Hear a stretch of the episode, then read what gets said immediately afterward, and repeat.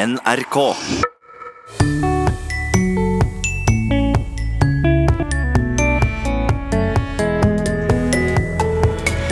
For siste gang sier jeg vel møtt til Språkteigen. Nå overtar Språksnakk med programleder Klaus Sonstad stafettpinnen. Det er også rart når du leste opp når jeg blir helt overveldet. Det er jeg får gåsehud. Det er en ære å få lov til å fortsette. Sylfest Lomheim svarer på sine siste lytterspørsmål i dag.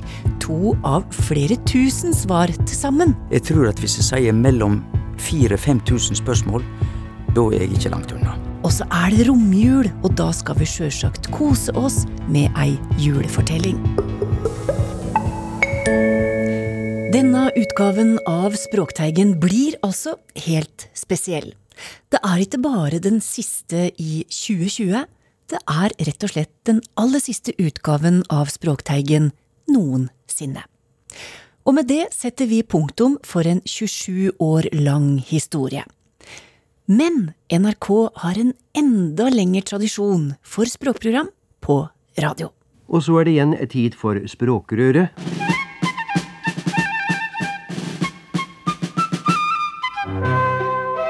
Språkøret skal gi råd, svare på spørsmål, stille spørsmål også, kommentere og vurdere.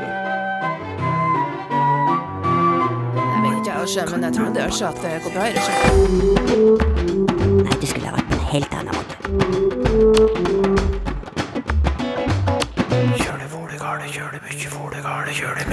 Fra Språkrøret, via Språkøret til Språkteigen, til sammen 46 år sammenhengende med språkprogram i radioen. Og den historien fortsetter med et nytt program og en ny programleder. Og det er deg, det, Klaus Sonstad. Hei! Hallo. Hallo, hallo. Ny programleder i programmet som skal hete Språksnakk. Ja. Ja. Det er også rart når du leste opp den, jeg blir helt overveldet. Det er jeg får gåsehud.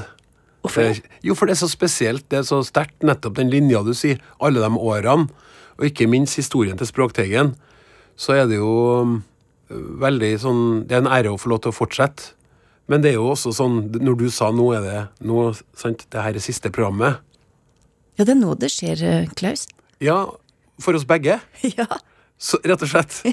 Så eh, jeg har jo lyst til å spørre deg, hva føler du nå? For meg blir det jo veldig rart. Ja, det skjønner jeg. Jeg skal jo slutte med noe som jeg holdt på med i fire år, har det vel blitt? Ja. Ja. Og jeg skal begynne med noe som jeg aldri har gjort før. Eller hvis jeg har jo eh, vært opptatt av språk og har skrevet masse i mitt liv, men jeg har jo aldri laga et radioprogram om språk før. Nei, Så men hva slags program blir den Språksnakk som du da skal begynne med 10. januar, er det ikke det? jo, 10. januar. Nei, det blir et program der vi skal fortsette med uh, språkspørsmål fra lyttere. Selvfølgelig, det er kjempeviktig. Og det har jeg jo kost meg med på øret når du har hatt Språkteigen. Det er viktig. Det er mange som lurer, om, lurer på språk, og mange som er interessert i språk. Vil gjerne ha med oss så mange som mulig av Språkteigens lyttere videre, og kanskje rekruttere noen nye. og Da prøver vi å gjøre en liten vri. Vi skal ha et panel bestående av språkforskere, eller forskere. Og så skal vi ha tema om språk, og så skal vi ha en aktuell gjest, men ikke nødvendigvis en sånn superkjent person. Kan være kjent og kan være ukjent, som har et forhold til språk.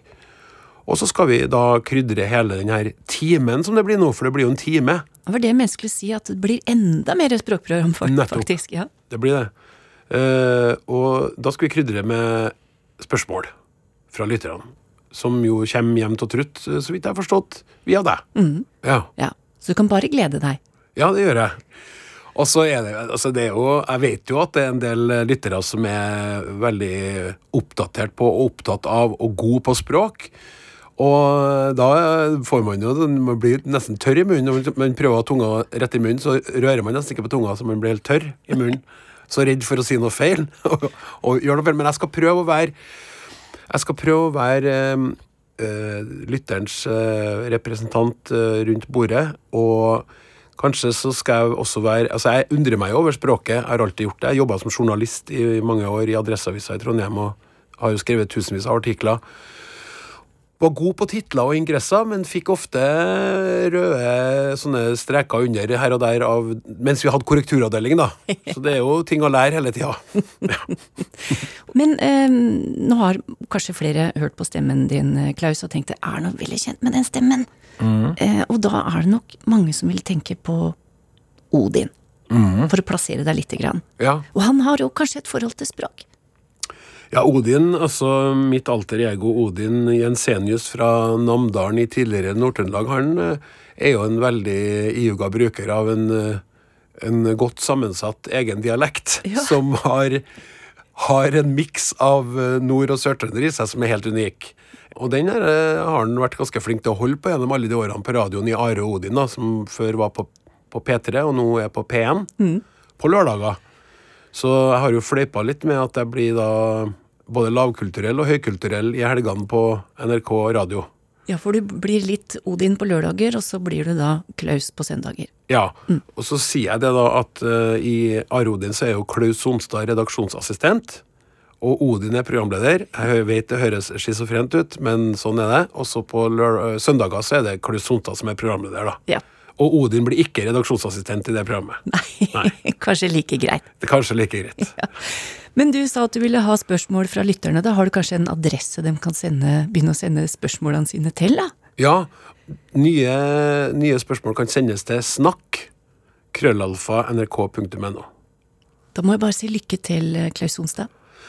Tusen hjertelig takk, og takk for alle de fine stundene på radio på søndager, Torunn, og så lykke til sjøl. Takk for det. Klaus Sonstad, programleder for det nye programmet Språksnakk, som overtar, etter Språkteigen altså, fra 10. januar neste år. Det sendes på søndager med sendetid 12.03 og en hel time.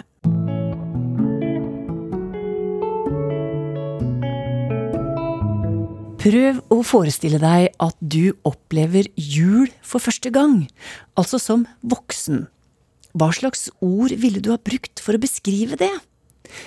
Og en liten ekstraopplysning. Førstegangsopplevelsen skjer i 1841. Det skal Språkteigen finne ut av nå, for reporter Knut Knutsen Eigeland. Det er egentlig en god, gammeldags julefortelling vi skal viderebringe. Ja, du skal få et eh, innblikk i beskrivelsene en bare 17 år gammel skotte kommer med når han for første gang får se et juletre under et norgesbesøk. Det er Vest-Agder-museet som har fått eh, se dagboka hans, og den har vakt interesse hos formidlingsleder Gunhild Aaby. Robert Abram Hutchinson Dahl, som han heter, som eh, ankom da Kristianshavn i oktober 1841, skrev dagbok. Og han eh, skriver på en litt sånn småmorsom måte, men også en ganske informativ måte. Det er tydelig at den dagboka ikke bare er skrevet for at han skal huske det, men også for at han skal kanskje vise det fram eller gjenfortelle det på en morsom, men underholdende måte til dem som var igjen hjemme i Skottland. Og han er da hos slektninger i Kristiansand. Og han sier da at nå har jula kommet med sine moroheter og festligheter. Og eh, det du da sikkert har lyst til å høre litt mer om, er at han da for første gang i sitt 17-årige liv får se et juletre. Ja.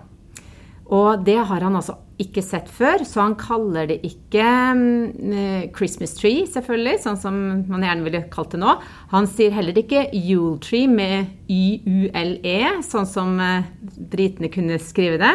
Men han skriver det på norsk, da, eller han tror det er norsk, med to u-er. Jultre, står det. For så spesielt var det at han måtte bruke det norske ordet på det. Og det er antagelig ikke første gang at det juletreet er hos den familien Tønnesen, da, som er slektningene hans, i Kristiansand. Fordi ungene der i huset de har bedt om å få det her treet. De har bedt meg fast bestemt på å få et juletre på julaften. Og det står det at det generelt, altså sånn, stort sett brukte å være ni fot, altså sånn 274 cm. Var høyt. Veldig høyt tre. Så det var jo selvfølgelig i storstua i eh, det her eh, store huset de bodde i. Og at eh, det hadde, sto i en egen balje da, som var laga for det formålet. Så det her var tydelig at det her hadde de innført som en tradisjon, og som noe kanskje det mest spennende på, nei, på julaften, for det er det han skriver om. Forteller han noe om hvordan dette juletreet så ut?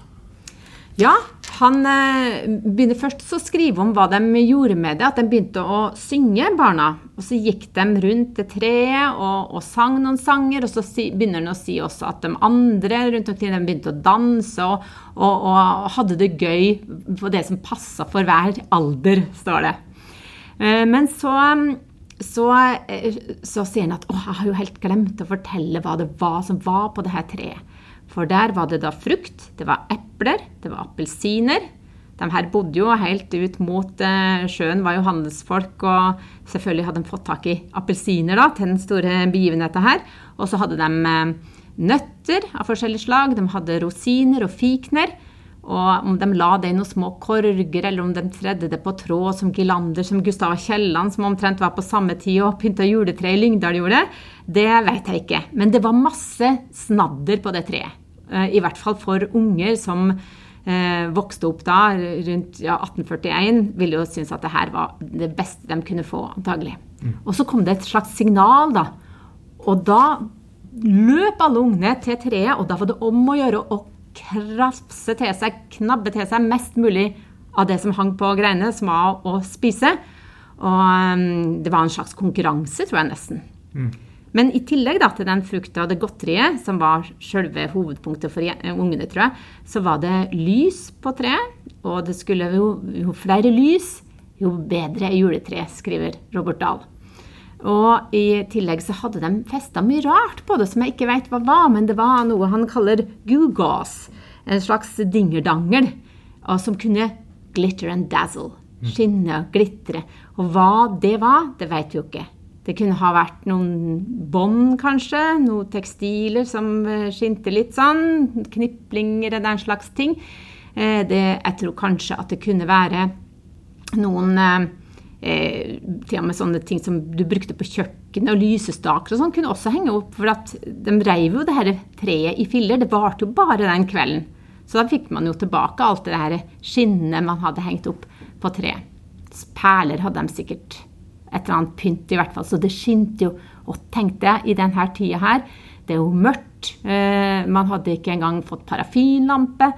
Det var tranlamper og vokslys og den slags ting. Men eh, det, det var jo mørkt. Det er mye mørkere enn det vi tenker på.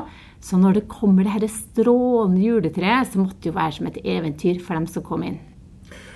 Han eh, forteller om en jul eh, i dette borgerskapet som jo er prega av mye fest og, og moro. Ja, han er jo litt opptatt av ball og sånn når han kommer dit. Han syns at det er håpløst gammeldags i Kristiansand, der eh, damene skal sitte ett sted og herrene et annet sted. Og, og sånn gjør de nå tydeligvis ikke der han kommer fra. Men eh, han er veldig opptatt av det når det er sånn, sånn festligheter, da. Og han sier at det, de har festligheter før nyttår, men at det er heller lite etter nyttår. Men til gjengjeld så går han da julebukk sammen med fetteren sin. Og, og det har han heller ikke hørt om før, for han kaller det julebukk. Så det er jo tydelig at det er også et norsk ord som han har eh, tatt med inn. Og han har flere språk han blander inn. Han liker å liksom briljere litt. Han sier at nå når han kommer i januar, da har han jo vært der i noen måneder, da, at nå begynner han å forstå alt. og han eh, liker å putte inn litt norske ord inn i den dagboka da, for å krydre språket sitt litt. Han er nok opptatt av språk, den godeste Robert. eh, Sikkert fordi at han skal fortelle det seinere, at det skal være stor underholdningsverdi. da. Hvor, eh, hvor interessant er dette at uh, dere sitter på en dagbok til en 17-åring som beskriver uh, sin første norske jul? Jeg syns det er veldig artig, fordi eh, jeg fant ikke noen ting. Jeg visste ikke noe særlig om ja, f.eks. en sånn ting som juletre og de tradisjonene rundt som er sånn samtidig fra denne tida her. Og når det kommer noen utenfra, så vil jo de beskrive tingene på en annen måte enn dem som er vokst opp med det og tar det kanskje for gitt. Så for han som ser det med helt nye øyne og kommer inn og, og, og, og skal beskrive det også for andre seinere som ikke har vært til stede, og som ikke kan eh, lese om det i avisen eller eh, se på nettet eller hva som helst, så, så er han jo opptatt av å, å fortelle litt sånn det han oppfatter som eksotisk, og som kanskje ikke de borgerne av Kristiansand eller folk som bodde der, ville sagt noe om. Og det at han også er såpass ung. Her, det skinner jo også gjennom i språket at han, han liker å, å være litt sånn ungdommelig småvittig. Ja, masse vanskelige ord for oss som leser det i dag, sjølsagt. Det er jo ikke så lett å lese.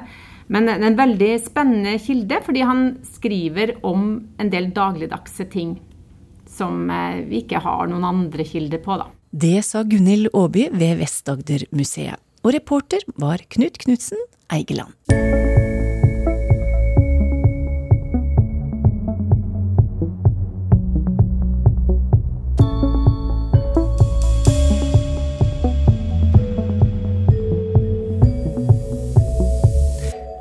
Gjør vi klar for de aller siste lytterspørsmåla i Språkteigen, og det er sjølsagt Sylfest Lomheim som skal få svare på dem. Det første kommer fra Per André Hestad og handler om kaffe. Han sier at han setter på kaffen, men hører stadig andre si at de setter over kaffen. Er det et østlandsfenomen, spør han. Å ja, nei, dette er over hele landet, det. Ja. Det jeg kan trøste alle som drikker god kaffe, at de kan både sette over kaffen og sette på kaffen. Jeg tror at hvis du har eh, på et moderne kjøkken, Mm. så vil den stort sett sette på kaffen. For da er det jo en, eh, en maskin, og du setter i en bryter, og så setter du på. Eh, Men sette over kaffe Sette over kaffen, kanskje, med en. Det er klart, da tenker du på et lite bål, eld, og så setter du eh, kaffen eh, over elden, og så begynner det å, etter hvert å koke. Men vi må legge til at eh, dette med verb på norsk, kopla sammen med preposisjoner på norsk, det er altså litt av et studiefelt. ja. For det er så mye med nordmenn som snakker såkalla idiomatisk norsk. Vi tenker ikke på hva vi sier, og vi sier det riktige hele tida. Men tenk på de stakkars innvandrerne som skal lære seg rett bruk av preposisjoner sammen med verb. Det er noe av det vanskeligste i norsk. Jeg sier ikke det er det vanskeligste, men der er du inne på et av de virkelig vanskelige områdene i norsk. Og vi som snakker norsk fra vi er små av, vi tenker ikke over det. Her er det mye mat for eh, språkforskere, og dette feltet er nok ikke ferdig eh, Utforska. Temaet er ikke uttømt, så det er bare å gå i gang, folkens. Vi skal til syvsover, for det er jo en som sover lenge om morgenen, og før i tida var sju litt seint å stå opp, iallfall om du skulle mjølke kuer. I dag derimot er du ikke spesielt B-menneske om du sover til klokka sju. Men syvsover har sannsynligvis ingenting med tallet sju å gjøre. Kan jeg få en forklaring, spør Morten Jødal. Ja, og det som iallfall er helt sikkert, er at en sjusover, det er ikke en som sover til klokka sju og så står opp. Nei. Det er det ikke. Eh, Men eh, det, det er jo en ganske mm, utrolig historie som eh, ligger bak, fordi at dette er en en, en kristen fortelling, altså. Vi må vel kalle det en myte. Ei historie fra Efesos, som lå Det er jo et bibelsk bynavn, kjent, men det ligger i dagens Tyrkia, litt sør for Istanbul. I Efesos på 200-tallet, etter rabbiens fødsel i Galilea, så var det jo slik at eh, kristendommen stadig var under utbreiing, men de kristne ble forfølgde stadig vekk i Romerriket på 200-tallet. Og i Efesos så var det sju menn som eh, eh, vart forfølgde, og de skulle liksom De måtte vende om, eller så ble de tekne, men det nekta de sjølsagt, Og så gikk de opp i fjellet der, utafor Efesos, og gjemte seg i ei håle. Og da de som følgde etter dei, skjønte det, så gikk de opp og murte igjen håla Oi. med masse stein. Men da veit du, Gud er barmhjertig, og Gud ser alt som skjer på denne jord, så han greip inn, og han gav disse sju mennene djup, djup søvn. Og de sov, og de sov. Og nesten 200 år seinere, 198 år seinere visstnok, så åpna de håla igjen, for på den tida, da vi på 400-tallet, og da var kristendommen blitt Romerrikets offisielle religion. Det ble den på 200, eh, på 300-tallet, da keiser Konstantin, som òg gav opphavet til Konstantinopel som navn, han gjorde kristendommen til Romerrikets offisielle religion. Så på 400-tallet eh, var tilstanden slik, og da åpna det som sagt håla igjen. Og da vakna disse sju mennene, og de kom ut. Og eh, derfor så, så en sjusover er en som søv ufattelig, ufattelig lenge. Ja. Og dette ble det aller siste lytterspørsmålet i Språkteigen til Sylfest Lomheim. Men det aller første språkspørsmålet fikk du, Sylfest, allerede i 1990.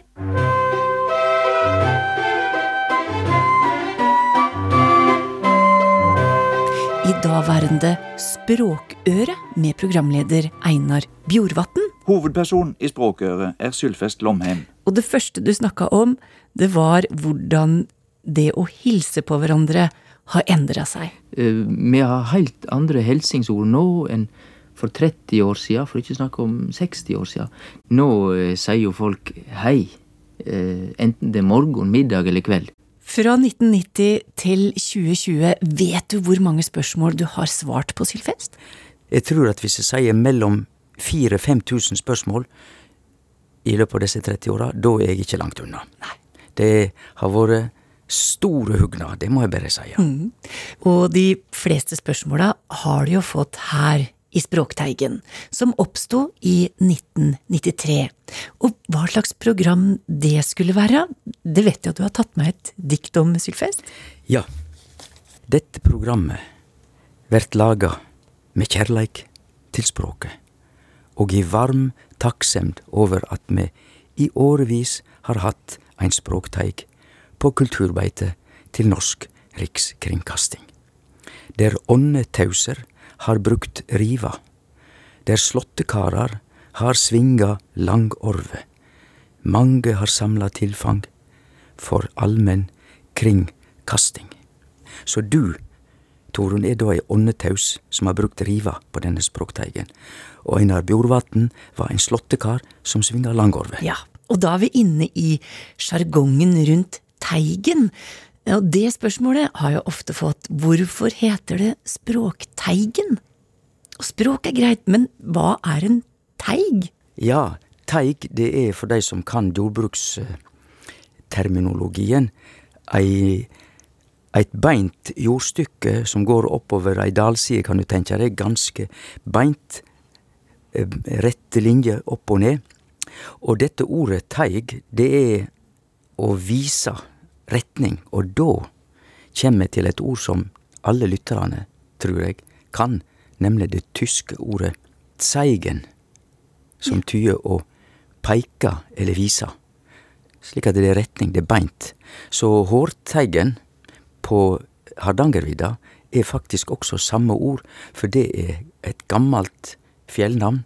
Det er jo et litt høgt fjell som du ser over heile Hardangervidda, og hår er i slekt med hår, ja, hå på gammelnorsk betyr den høge, og teigen er altså zeigen på tysk, og òg det samme som har i språk Teigen, nemlig den høge visaren. Den som viser vegen, eller retning. Det er kanskje litt lettere å forstå språksnakk, rett og slett? Å ja, ja, så det er det nye navnet, det er språksnakk, ja. Det er jo fint. For eh, snakking er grunnleggende for mennesket. Enda viktigere enn skriving. Men etter å ha jobba så mye med ord, går det an å spørre om du har et favorittord? Er det mulig? Det er absolutt mulig å ha et favorittord i norsk. Eh, og da kan det umulig bli noe som er originalt eller uventa. For mitt favorittord er kjærleik. Ja. Men da er det grunn eh, gjort, eh, Sylfest. Da er 27 år med Språkteigen straks over. Har du noen ord til slutt? Ja, teigen. Dette var ikke så mange ord. Bare likt og ulikt. Janglestrå, plukka, hist Og her, høgt og lågt, programmet som du har lytta til, inneholder et utvalg av det som kan sankast i hop, på det forunderlige området som er slik at noe veks og noe døyr, heile tida, samstundes. Vi har omtalt dette som språkteigen. Men ein teig har gjerde på begge sider. Du ser grensene og øygnar over heile han. Språkteigen er ingen teig. Han er grenselaus. Takk for følget, Torunn, i disse åra, og så takk til lytterne. Og takk til deg, Sylfest Lomheim. Med det lukker vi og slukker lyset her i Språkteigen. Men som vi hørte Klaus Sonstad si i starten av sendinga i dag, han vil gjerne høre fra deg som har språkspørsmål, og du kan sende dem til snakk krøllalfa nrk.no. Takk for meg.